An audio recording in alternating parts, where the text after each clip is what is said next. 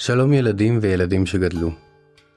עונה מופלאה וייחודית זו, שכוללת אגדות יהודיות וישראליות, נוצרה הודות לשיתוף פעולה עם בית אביחי.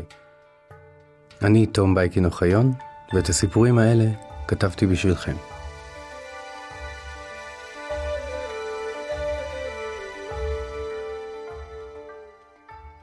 כמה כיף לפגוש חידה חדשה, לחשוב, לנסות מכיוון אחד ואז מהשני, ולאט לאט להגיע אל הפתרון. ואז מצאתי, ככה פותרים את החידה. יש חידות שהן כמו משחק, ויש חידות מסובכות הרבה יותר. כמו למשל, איך כדור הארץ זז, ולמה? כדי לפתור אותן, צריך לדעת ולהבין כל מיני נושאים וכללים, ובכולם צריך למצוא חוקיות. כללים שבעזרתם אפשר להגיע לתשובה הנכונה.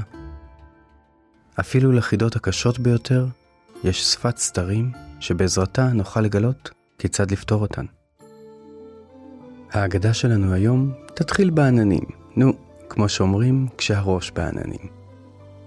נפגוש באישה שבחרה להתמודד עם החידות הקשות ביותר, וגם הצליחה. השאלות שהיא עמלה כדי לפתור היו כל כך גדולות, שאף מדען לפניה לא הצליח למצוא להן תשובה. אפילו לא איינשטיין. בעזרת שפת הסתרים של המתמטיקה, היא העניקה למדע כלים להבנה של מרקם היקום. שמה היה אמי נטר.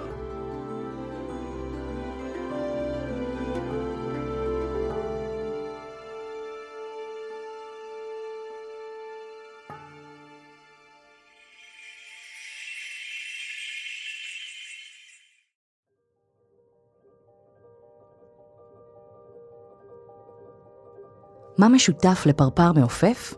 פנים של ילדה ועלה של עץ לימון. כולם מכילים מידה רבה של סימטריה. כלומר, צד אחד נראה בדיוק כמו תמונת מראה של הצד השני. העולם שלנו מלא בסימטריה. בכל מקום שנסתכל אליו נראה שלמים ששני החצאים שלהם זהים. גוף האדם, לפחות מבחוץ, הוא דוגמה מצוינת לכך. אבל בשום מקום הסימטריה לא מושלמת כפי שהיא במשוואה מתמטית. צד אחד של הפנים יכול להיות קצת שונה מהצד השני, אבל 2 ועוד 2 הם תמיד 4, בדיוק כמו ש-4 יהיה תמיד 2 ועוד 2. מאז ומעולם ניחנו בני האדם בתכונה מוזרה, המאפשרת להם להבחין בסימטריות בעולם. אבל עד כמה הסימטריה הזאת קשורה לאופן שבו העולם שלנו פועל, זאת איש לא ידע. עד שהגיעה גיבורת סיפורנו.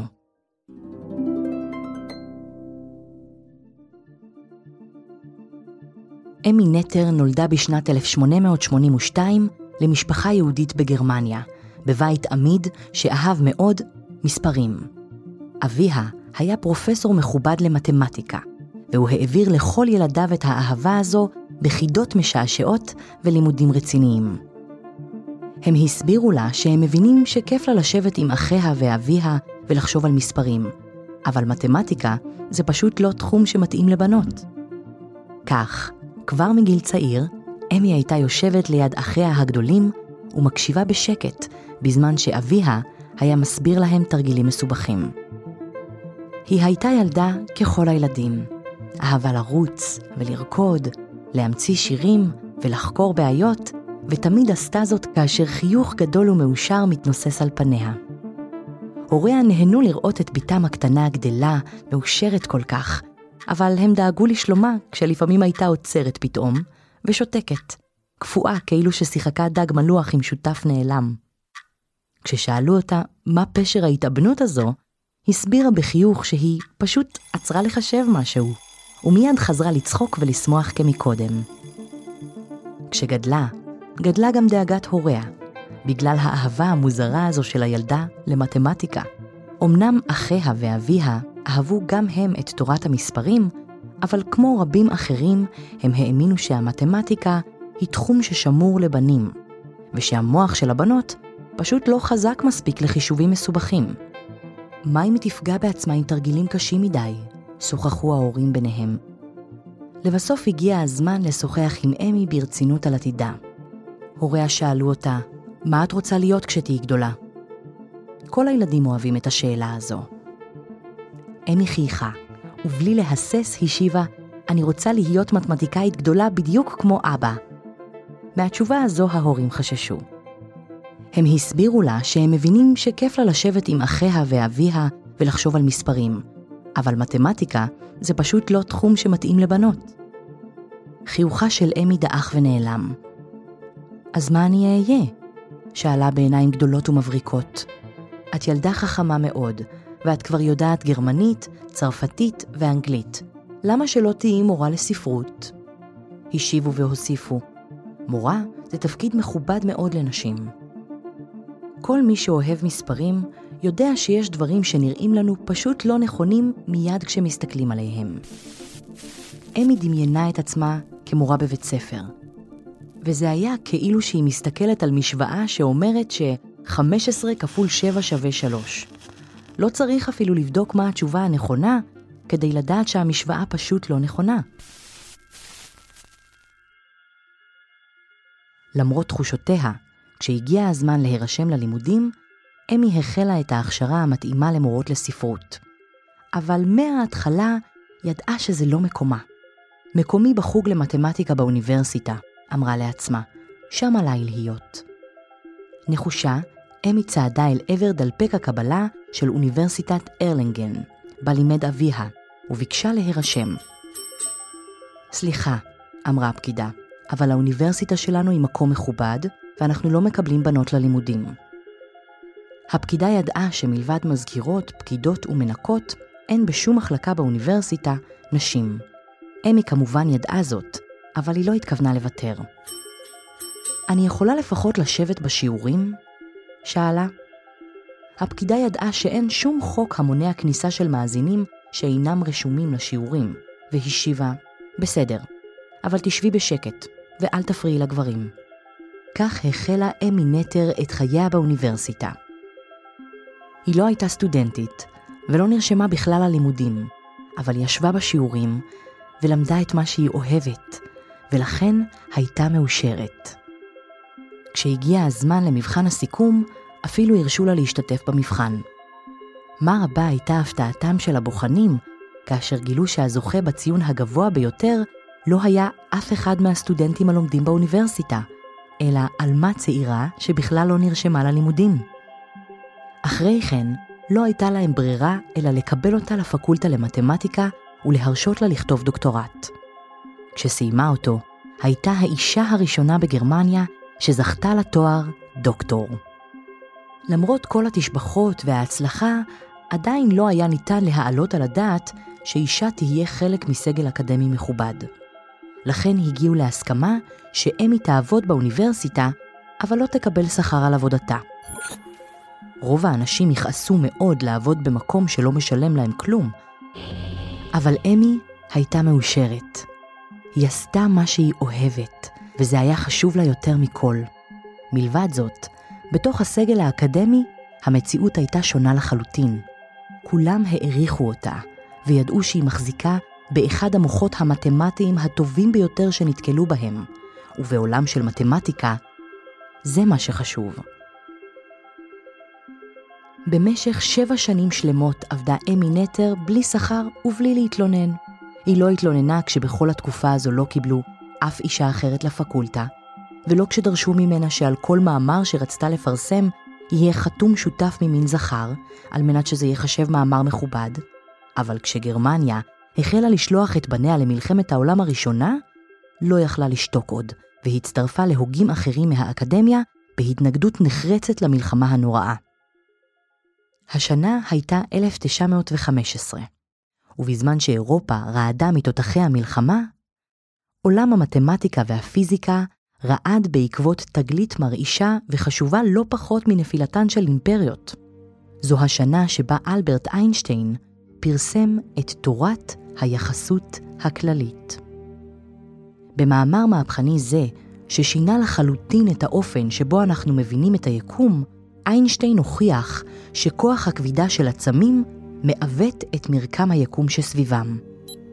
עשר שנים אחרי שהראה בתורת היחסות הפרטית שהזמן והמרחב פועלים באופן שונה, תחת תנאים שונים, איינשטיין הוכיח עכשיו שהגיאומטריה של המרחב בעצמה, דבר שנתפס תמיד כקבוע ובלתי משתנה, מושפעת מכוח הכבידה של העצמים הקרובים לה. הקשר בין פיזיקה למתמטיקה מעולם לא היה קרוב יותר, אבל נשארה השאלה, מה טיבו של הקשר הזה? בעולם הפיזיקה והמתמטיקה שמחו מאוד במאמרו של איינשטיין. לאו דווקא בגלל מה שהוא פתר, אלא בגלל הבעיות שהוא העלה. והרי מה אוהבים מתמטיקאים ופיזיקאים יותר מבעיות חדשות שיש לפתור? שניים מהאנשים שניסו להתמודד עם הבעיות החדשות שתורתו של איינשטיין העלתה, היו פליקס קליין ודייוויד הילברט מאוניברסיטת גטינגן, שהייתה אחד המרכזים החשובים בעולם למתמטיקה ופיזיקה. הבעיה שהם ניסו להתמודד איתה הייתה זו. אם אנרגיה מעוותת את הזמן והחלל, והחלל והזמן מכילים אנרגיה, אז הזמן והחלל אמורים לעוות את החלל והזמן. לזה קוראים פרדוקס, ואין שום דבר יותר נורא בתיאוריה מאשר שהיא מכילה פרדוקסים. מדוע זו בעיה? משום שעד כה פיזיקאים הסתדרו מצוין עם החוקים הטובים והישנים של ניוטון לגבי תנועת עצמים בחלל. אם עכשיו נכניס אל המשוואות היפות האלה גם עיוותים בחלל, איך נוכל לשמור על חוקי השימור של ניוטון? ובלעדיהם, איך נוכל בכלל לחשב משהו מעולם הפיזיקה? קליין והילברט ניסו להתמודד עם הבעיה הזו ללא הצלחה. ולבסוף, הגיעו למסקנה שיהיה עליהם להזמין מתמטיקאי מומחה שיעזור להם במשימה. למרבה המזל, הם זכרו סדרה של מאמרים מעולים בנושא שיצאו מאוניברסיטת ארלנגן. אתם ודאי יכולים לנחש מי כתבה את המאמרים האלה. אמי נטר שמחה מאוד לקבל הזמנה לעבוד במוסד כה מכובד, והיא מיהרה לעלות על הרכבת לגטינגן. כשהגיעה, הלכה ישירות למשרדם של הילברט וקליין.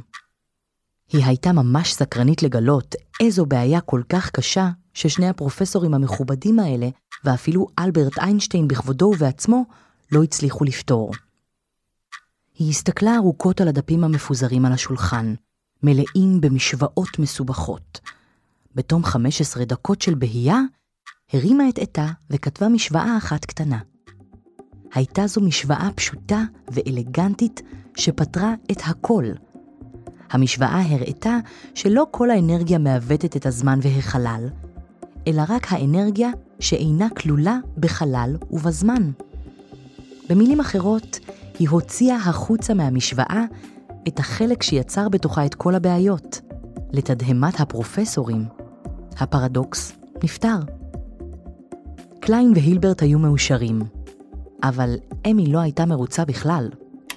זה אולי היה מספיק טוב בשביל פיזיקאים, אבל בשביל מתמטיקאית כמוה, הייתה נחוצה גם סיבה למשוואה הזו.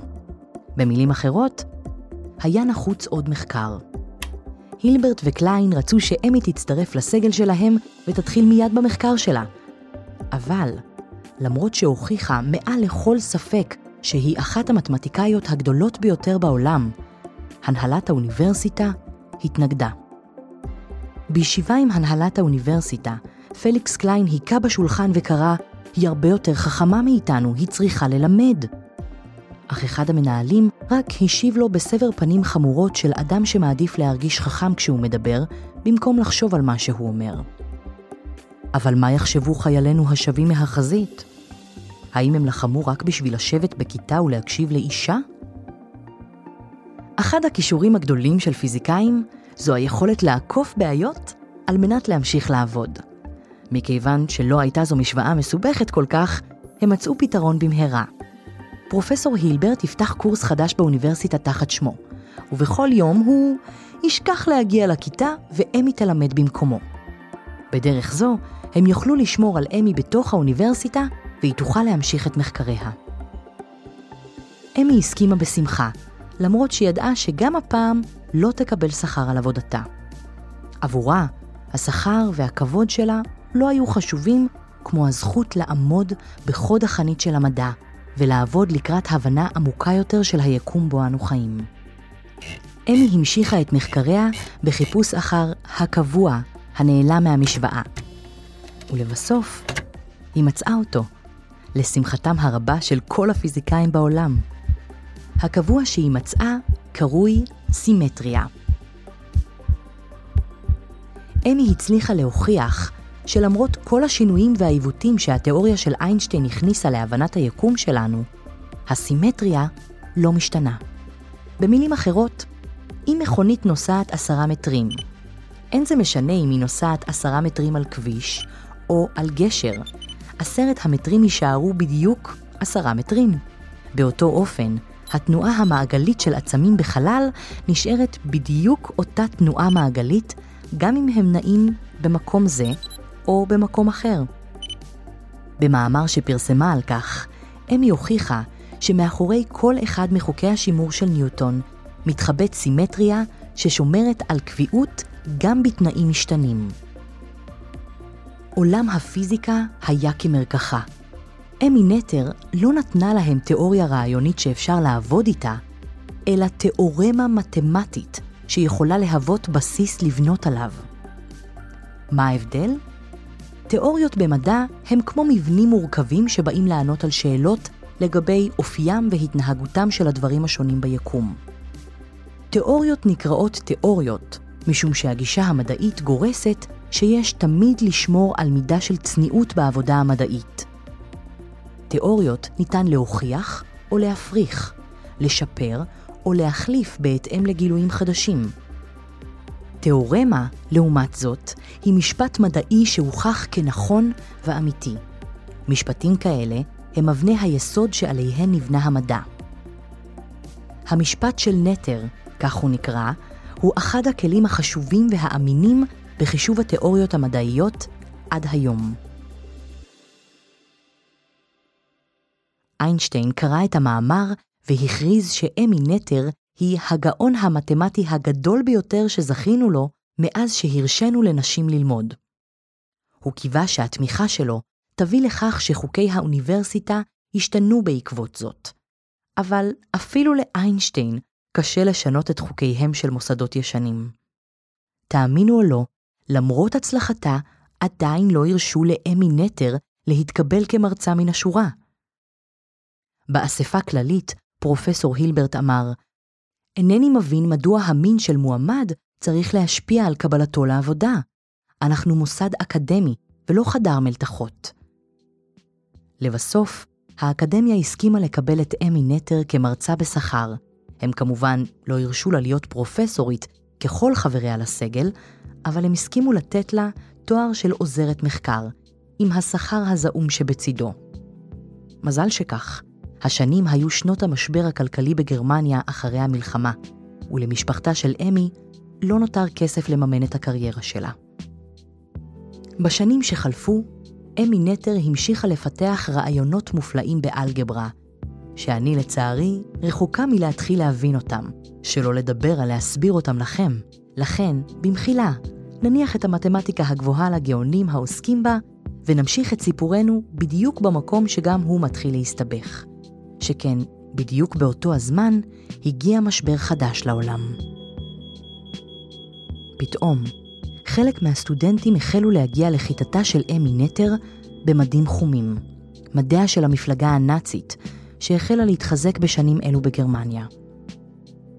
בהתחלה, אמי נטר צחקה עליהם. הרי למתמטיקה לא אכפת מפוליטיקה או דת, והמחשבון של הגרמני פועל באופן זהה בידיו של יהודי. אבל במהרה לא הייתה לאף אחד סיבה לצחוק. עם התגברות כוחה של המפלגה הנאצית, עוד ועוד מגבלות החלו להקשות את חייהם של היהודים בגרמניה. אם עד עכשיו היה עליה להילחם על מקומה בגלל שהייתה אישה, עכשיו העובדה שהייתה יהודייה הערימה קשיים אחרים לחלוטין. לא עבר זמן רב, ואמי נטר הייתה ליהודייה הראשונה שתסולק מהאוניברסיטה בשל זהותה. אחריה יגורשו עוד מאות מרצים מכובדים מעבודתם. תחילה אמי המשיכה ללמד מתמטיקה מדירתה הקטנה. אבל כשברחובות החלו לרדוף אחר יהודים, לשרוף את חנויותיהם ולגרשה מבתיהם, הבינה שהמצב רק מחריף, ושעתה יהיה עליה לברוח מגרמניה. לשם כך, פנתה לידידה הוותיק אלברט איינשטיין. איינשטיין המודאג ידע שאין זמן לבזבז. הוא מיהר לפנות לחבריו בעלי ההשפעה, ובעזרת קרן רוקפלר הצליח להשיג לה מענק מיוחד ללמד בארצות הברית, במכללת ברינמר שבפנסילבניה, אוניברסיטה שכל התלמידים שלה היו בכלל תלמידות. אמי נטר הייתה מאושרת, לא רק שעתה קיבלה שכר נאה ומכובד על עבודתה, אלא שגם ניתנה לה ההזדמנות לטפח ולהכניס נשים נוספות לעולמה הקסום של המתמטיקה. במאה השנים שעברו מאז, המון חוקרים וחוקרות תרמו להבנת האופן שבו פועלת הפיזיקה של העולם שלנו. למערכת השלמה שנבנתה קוראים המודל הסטנדרטי. הוא אמנם עדיין רחוק מלענות על כל החידות הרבות שהיקום שלנו מציג לפנינו, אבל עד כה הוא הצליח לשמור על כוחו בעקביות, נוכח התגליות הרבות בעולם המדע. מה שחשוב לסיפורנו הוא שבבסיסו של המודל הסטנדרטי הזה ניצבת בגאווה התיאורמה של אמי נטר, המתמטיקאית החשובה ביותר של המאה ה-20. למרות כל ההתקדמות הזו בהבנתנו את העולם שבו אנחנו חיים, גם היום מוסדות ישנים ומוחות מיושנים מעכבים את קידומן של נשים. ולמרות שהעולם שלנו מכיל סימטריה בכל צורותיה, עדיין לא ניתן למצוא סימטריה בין שכרם של נשים לגברים.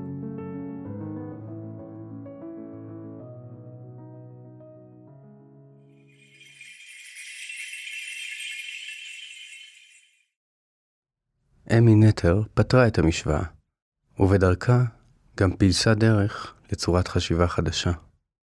היא הצליחה לתת לעולם המדע הוכחות חשובות לגילוי תובנות על מרקם היקום, וגם לפתוח את עולם המחקר לנשים רבות אחריה. את החוקים שהוכיחה, שנקראים משפטי נטר, לומדים היום סטודנטים וחוקרים בכירים בכל אוניברסיטה בעולם. בעזרתם, הם מנסים ולעיתים מצליחים לפתור חידות חדשות שעלו, שכן, כמה שהמדע התקדם מאז, נותרו לנו עוד חידות רבות לפתור. יש איזו תופעה בטבע או חידה בעולם שהייתם רוצים להבין אותה?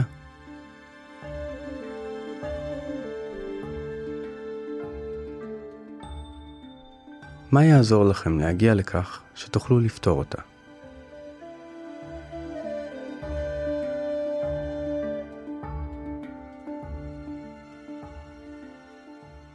מלבד האגדה הזו, עוד אגדות שהיו באמת תוכלו למצוא בפודקאסט שלנו.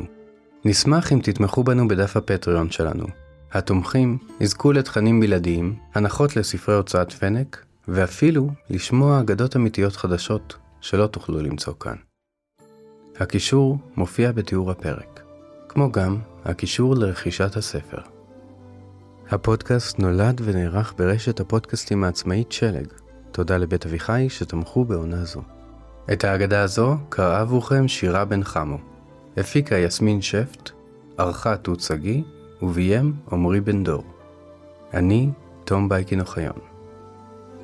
ואם רק תסתכלו טוב טוב, תראו שכל אחת ואחד מכם הוא כבר גיבור של אגדה.